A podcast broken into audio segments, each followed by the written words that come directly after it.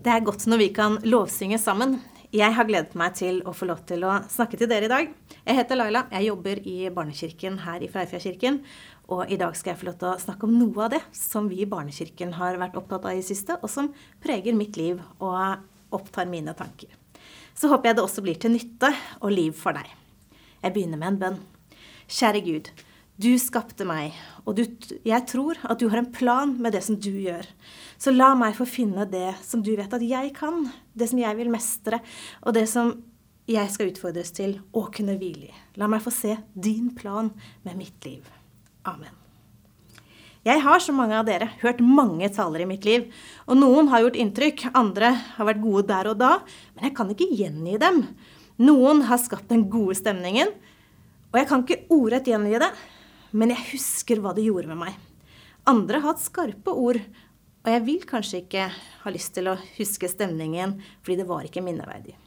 Ord kan gjøre mye med oss. Og jeg vet ikke hvordan denne talen vil treffe deg, men jeg ønsker å si noe fra mitt hjerte til deg. Jeg ønsker å gi deg den stemningen som gjør at skuldrene senkes, og hørselen er åpen helt ned i hjertet og helt inn i våre avgjørelser. Jeg liker endring. Og det er det jo ikke sikkert at du gjør. For noen er endring ubehagelig. Skulle vi spart på alt det som mine sønner syns har verdi, så hadde vi spart på alt, inkludert søppel. I det siste så har jeg rydda på loftet, og vi har spart på mer enn vi behøver. Men nå har vi minnebokser til guttene våre. To av gutta har ganske mange ting som de har tatt med seg hjem fra barnehage og skole. Tegninger og alt de har laget, og mange skolebøker. Men én, han har fortløpende kastet det meste. Han husker mye, men han holder ikke fast på ting. Der er vi ulike. Gud skapte, og jeg tror at vi er skapt av Han. Og jeg liker veldig godt verset i Efeserbrevet kapittel 2, vers 10. For vi er skapt som Hans verk, skapt i Kristus Jesus til gode gjerninger, som Gud på forhånd har lagt ferdig for at vi skulle vandre i dem. Når jeg vokste opp i Freifjordkirken i Hamar, så tenkte jeg at vi hadde ganske mye fokus på Guds kall til mennesker. For meg var det et godt fokus, for jeg hadde en opplevelse tidlig på barneskolen av å få et kall fra Gud. Ikke dermed sagt at jeg levde med kall som en sånn enkel, uh, uproblematisk ting. For jeg hadde sett for meg bilder av meg selv inni hodet mitt om at jeg skulle lede folk og tale foran mange. Men jeg så ikke mange forbilder som gjorde akkurat det jeg skulle gjøre, som lignet på meg. Heldigvis tok ikke dette motet fra meg. For i kirken jeg gikk, så snakkes det naturlig om kall. Og jeg ble kjent med at jeg måtte bare jobbe med å finne ut hvordan dette skulle bli min virkelighet. For veien lå liksom ikke hele tiden helt klar for meg. De siste ukene har jeg enda en gang sett litt på personer som Gud har latt oss bli kjent med gjennom Bibelens nedskriving av livene deres. Og jeg har lyst til å ta deg med på en liten reise gjennom noen livsfortellinger. Det handler om hvordan livet deres ble Ikke alle historiene ble like elegante eller stolte eller høyreiste. Men Gud lot de stå der, så da er det kanskje noe vi kan få lov til å lære av dem. Vi jobber med å realisere oss selv. Hva betyr egentlig det? Jeg er i den alderen hvor mange skifter radikalt spor fordi det kjennes nødvendig å realisere seg selv. Og det kan ligge i at rommet som til nå har vært det man skal leve i, ikke har vært fritt nok så at man kunne leve som man ønsket. Det kan også være en søken etter å finne det sporet man egentlig skulle vært i, men som glapp litt unna underveis. Er det kanskje Guds kall vi leter etter og har klart å overse? For vi leter nok ikke mindre enn vi lette før etter meningen med livet og hva vi skal bruke dagene og året på. Men kanskje har det vært sånn at vi nå leter på et litt annet sted enn før. Og det er ikke Gud vi går til. Det var disse fortellingene. Er du klar? Jeg forteller dem slik som jeg leser dem. Men som du vet, så kan vi lese og forstå ulikt. Så jeg vil anbefale deg om å lese dem selv og se hvordan historiene blir levende for deg, og hva du synes lærdommen er. Jeg har lært mye av å lytte til folk som ser ting ulikt fra meg. Og jeg har mange gode opplevelser med å sitte ned selv og se hvordan Gud gir meg tanker, hint og overbevisning når jeg leser det han har skrevet. Vi begynner med Josfa. Han var den som så den store Moses lede folket. Moses hadde hatt utdannelse fra faraos slott, han hadde levd blant herskere, og så hadde han levd på flukt, og kanskje senket tempoet noe fra E- Egypts store sentrum til det når han gjetet sin svigerfars småfe i ørkenen ved Horebfjellet. Så taler Gud til han, og han blir den som skal lede israelsfolket ut av slaveri og på reise til frihet. Det er denne lederen Josva skal overta lederskap etter. Moses var liksom it. Det var han som var lederen. Han var alt det en leder skulle være. Eller var han det? Han var i hvert fall den lederen Josva hadde sett og etterfulgt. Moses fikk ikke selv lov til å gå den siste etappen med israelsfolket inn i løfteslandet som Gud hadde lovet dem. Det ble Josvas etappe. Josva hadde levd etterfølgelsesverdig, slik at både folket og Gud så lederen i Josva. Josva hadde evne til å se riktig på utfordringer som han møtte. Han ga ikke opp. Og så hadde han evnen til å regne Gud inn i det som trengtes for å gjøre det umulige mulig. Josva hadde tro, og han valgte å følge Gud. Der hvor Moses hadde gjort noen varianter, så valgte han å være ordrett. Guds kall til Josva var, og vi henter det fra Josvas bok, kapittel 1, vers 7-9. Vær bare modig og sterk, så du trofast følger hele den loven som Moses, min tjener, pålåt, påla deg å holde. Vik ikke fra, av fra den, verken til høyre eller venstre. Så skal du lykkes overalt hvor du går. Denne loven skal du alltid ha på dine lepper. Les fra lovboken dag og natt, så du trofast følger alt det som er skrevet i den. Da skal du ha framgang der du ferdes, og alt skal lykkes for deg. Jeg har jo sagt deg, vær modig og sterk. La deg ikke skremme, og mist ikke motet, for Herren din Gud, han er med deg overalt hvor du går. Josva han dør 110 år gammel, og jeg anbefaler å lese det siste talen eller samtalen han har med folket som han er leder for. Se valgene han gir dem. Les Josva kapittel 24, og bli litt kjent med en leder som hadde hjertet sitt helt med Gud hele livet, og elsker folket han har blitt satt til å lede. Josva er en leder som vokser opp med kallet sitt, lever i et miljø som er med å forme han, og han lærer seg lederskap og er villig til å ta ansvar. Jeg velger dette som oppsummering av hans liv.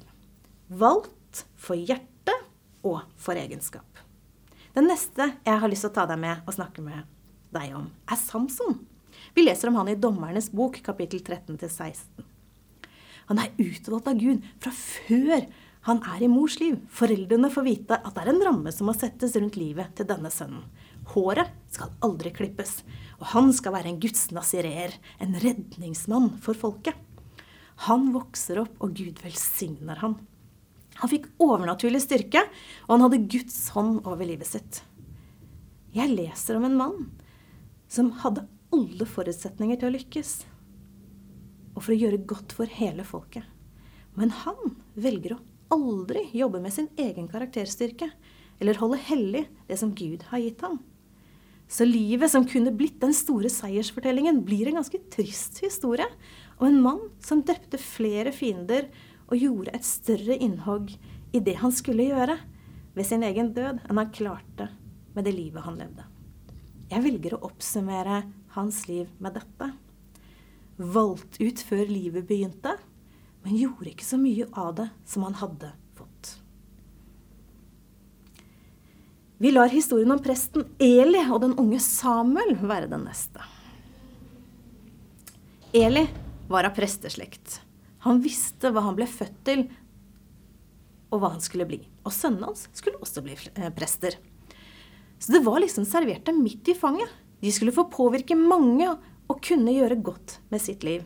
Men de velger å ta Gud ut av fortellingen.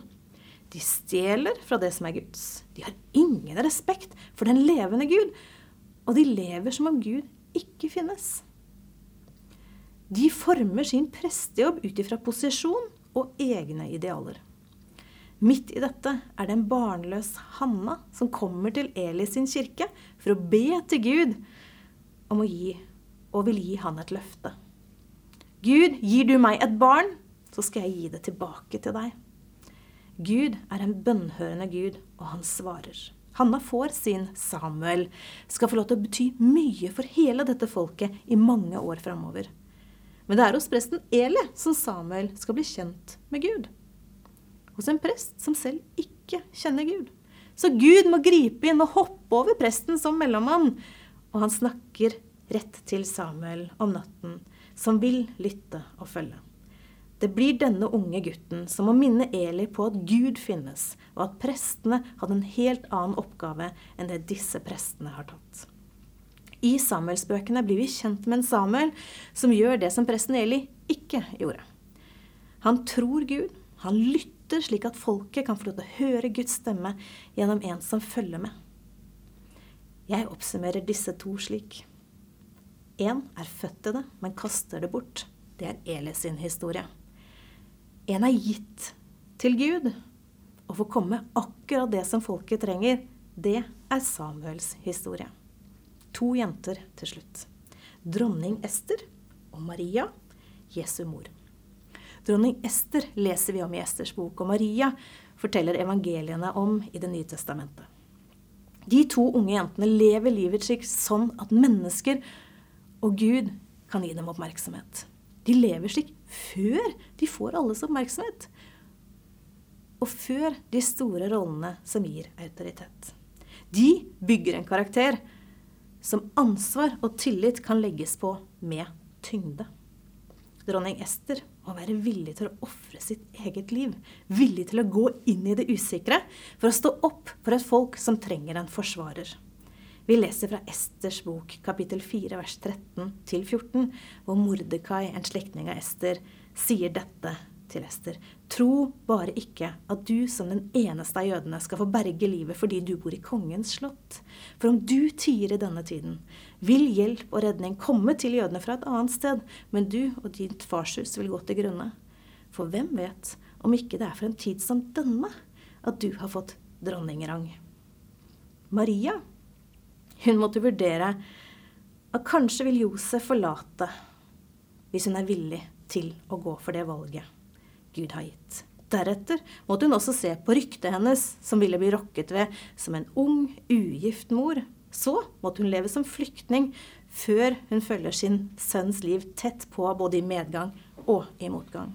Og i Lukas evangelium kapittel 1 vers 46 46, så leser vi Marias sang, som begynner med Min sjel opphøyer Herren, og min ånd fryder seg i Gud, min frelser. For han har sett til, min, til sin tjenestekvinne i hennes fattigdom. Og se, fra nå av skal alle slekter prise meg salig, for store ting har han gjort med meg. Han, den mektige, hellig er hans navn. Fra slekt til slekt varer hans miskunn over dem som frykter han. Han gjorde storverk med sin sterke arm, og hans spredte dem som bar hovmodstanker i hjertet. Han støtte herskere ned fra tronen og løftet opp de lave. Han mettet de sultne med gode gaver, men sendte de rike tomhendt fra seg. Han tok seg av Israel, sin tjener, og husket på sin miskunn, slik han lovet våre fedre, Abraham og Isaks ett, til evig tid. Det er en ung kvinne som tilber en gud, som ber henne gjøre et utrolig vanskelig valg å ta imot en stor oppgave. Hva ønsker jeg å formidle med å ta fram disse menneskenes liv? Jo, man kan ha forlagt alt i fanget, men likevel miste det. Man kan være født til det, men gå glipp av det. Man kan velge å sette Gud over egen sikkerhet og rykte, og da gå ut med det Gud gir tommel opp. En sang som har fulgt meg i mange år, er denne. Gjør mitt liv til en lovsang til deg, Fader. La hver tone lyde ren og klar. Ta mitt liv, gjør det slik som du vil ha det. Jeg vil leve til ære for deg, far. Jeg vil leve til ære for deg, far. Vi har alle litt ulike melodier i livene våre. Så må vi finne det Gud har gitt eller utfordret oss på. Men som Jan Honningdal skriver i denne sangen, la hver tone lyde ren og klar. Det handler om de små tonene som til slutt blir melodien i livet vårt. Jeg liker at Maria ikke ble kalt til dronning, statsminister, en stor kriger, en hersker eller en som med stor autoritet kunne herske over mange. Dette tror jeg er en av de største kallene jeg tenker at Bibelen presenterer. Og det er til en som trengtes for å være en forelder. For om vi tok alle fram og snakket i disse minuttene, så handler det om hvilke valg vi gjør i hverdagen. Synlige og usynlige. Det er de valgene som til slutt blir det livet som vi lever, og som Gud og mennesker rundt oss kjenner oss som. Det vil alltid være noen som mot alle odds får det til i de avsluttende kapitlene, sånn som Samson, eller røveren på korset, eller Paulus f.eks. Og den siste fikk jo noen flere kapitler etter omvendelsen enn de andre. Og det vil være de som lever etterfølgelsesverdig, men som ikke får hele verdens oppmerksomhet. Kanskje Tadeus kan være en påminner om det. Hvem er han, sier du kanskje? Jo, Jesus, verdenshistoriens sentrum, valgte ut tolv mennesker som fikk se og høre alt det han gjorde i de aktive tre og et halvt årene som vi leser mest om. Tolv, det er jo ikke mange. Og da er det jo kanskje rart at vi ikke kjenner alle kjempegodt. Men selv i en så eksklusiv gjeng gikk det karaktersterke mennesker som blir, ble valgt, og som løper livet sitt helt til mål, uten at de blir så synlige. Tadeus er en sånn. Han er en av de tolv. Utvalgt og utrustet, men ikke en kjendis. Hva er det vi er kalt til? Hva er det vi skal realisere? Hva er, det vi jakter mot? Hva er det vi vil oppnå? Hva med nåden for en utone? Jo, Gud har nåde nok. Så vi får øve oss både på nåde overfor oss selv og andre. La hverdagsvalgene våre bli den melodien som kan synges høyt og nytes av de som lytter og lever tett på. La hver tone lyde ren og klar, sa sangteksten. I Efeserbrevet kapittel 2 vers 10 står det, for vi er Hans verk skapt i Kristus Jesus til gode gjerninger som han på forhånd har lagt ferdig for at vi skal kunne vandre i dem. Kjære Gud. Hjelp oss å se hva du i din store kjærlighet hadde tenkt om livene våre, og gi oss motet til å gjøre det som kan koste oss noe, men som betyr så mye for alle andre. Gud, takk for din velsignelse, og takk for ditt kall til oss alle.